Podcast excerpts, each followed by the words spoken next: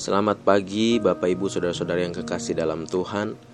Pagi ini memasuki hari yang ke-6 di bulan ke-7 di tahun 2020 Saya berdoa biarlah kita semua tetap ada dalam anugerah Tuhan. Apa pun kondisi kita, biarlah kita semua terus pulih dalam sunyi. Pagi ini kita akan merenungkan firman Tuhan dari kejadian pasal yang ke-27 ayat yang ke-22 Kejadian pasal 27 ayat yang ke-22 maka Yakub mendekati Ishak ayahnya dan ayahnya itu merabanya serta berkata, "Kalau suara-suara Yakub, kalau tangan-tangan Esau." Tentu kita tahu ini adalah potongan ayat dari sebuah kisah panjang mengenai bagaimana Yakub bekerja sama dengan ibunya memperdaya sang ayah agar mendapatkan berkat kesulungan yang seharusnya menjadi milik Esau. Kisah ini dimulai dari bagaimana Esau menukar hak kesulungannya dengan semangkuk kacang merah. Namun kali ini saya akan membahas dari sisi yang lain untuk menjadi bahan perenungan kita bersama.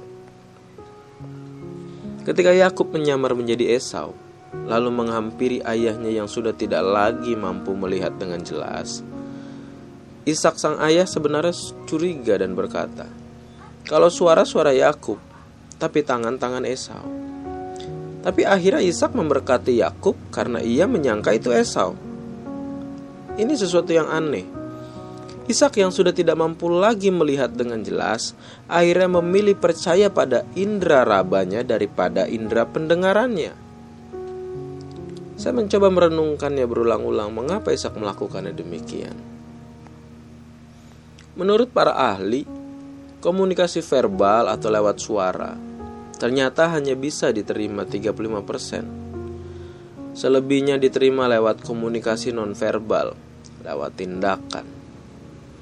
Jadi amat sangat manusiawi ketika komunikasi, ketika orang berkomunikasi, orang cenderung percaya yang nonverbal daripada yang verbal.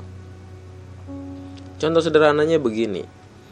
Ketika kita berbicara dengan orang, Sekalipun mulut orang yang mendengarkan apa yang kita bicarakan mengiyakan, tapi kepalanya miring atau ada lekukan di alis atau ada kernyitan di dahi, maka kita pasti akan menyimpulkan bahwa dia tidak percaya dengan apa yang kita bicarakan. Ishak lebih mempercayai keberadaan fisik daripada keberadaan suara. Ishak lebih mempercayai keberadaan nonverbal daripada keberadaan verbal itu sendiri. Artinya, tindakan berbicara jauh lebih keras daripada perkataan. Satu kali ada seorang pemuda yang memberi kabar kepada pacarnya bahwa Sabtu nanti dia akan berkunjung ke sebuah ke tempat pacarnya. Sekalipun badai menerjang, topang melanda, gunung akan didaki, lautan akan diseberangi. Begitu janji si pemuda. Di hari yang ditunggu, sang pemuda tidak kunjung tiba. Si wanita terus menunggu sampai akhirnya si wanita menerima pesan. Maaf ya sayang, aku nggak bisa datang. Di sini lagi hujan.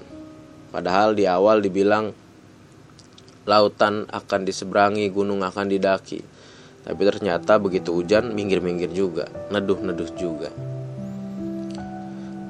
Dalam sebuah percakapan lintas agama saya mendapati kekristenan ditakuti oleh orang lain, ditakuti oleh golongan lain, bukan karena khotbahnya, bukan karena ceramahnya, bukan karena perdebatannya, tapi karena respon, tapi karena tindakan, tapi karena gaya hidup, tapi karena kasih. Dapatkah Allah menyelamatkan manusia hanya dengan kata-kata? Tentu saja bisa dalam perspektif kemahakuasaannya. Tapi pernah nggak kita mikir kenapa dia akhirnya tetap memilih untuk datang ke dunia, memberikan dirinya, sengsara di kayu salib, setia sampai akhir. Allah ingin kita tahu dan sadar betul, bahkan dalam situasi-situasi tersulit di hidup kita, bahwa Dia hadir bukan hanya lewat kata-kata tapi tindakan. Dan ini sebuah anugerah, ini sebuah kenyataan, ini sebuah kebenaran yang patut disyukuri. Lantas bagaimana dengan kita? Kehadiran kita hanya sebatas suara atau kita terasa dalam tindakan? 1 Petrus 2 ayat 12 bilang begini. Milikilah cara hidup yang baik di tengah bangsa-bangsa bukan Yahudi, supaya apabila mereka memfitnah kamu sebagai orang durjana, mereka dapat melihatnya dari perbuatan-perbuatanmu yang baik dan memuliakan Allah pada hari ia melawat mereka.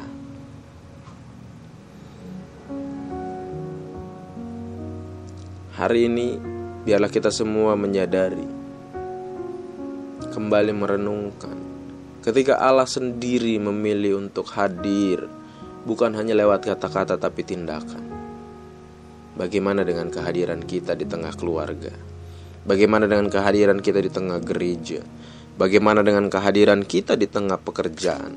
Bagaimana kehadiran kita di tengah negeri ini? Apakah kita hanya hadir dirasakan orang sebagai sebuah suara saja, atau orang dapat merasakan tindakan kita, kasih kita, gaya hidup kita, dan respon-respon baik kita.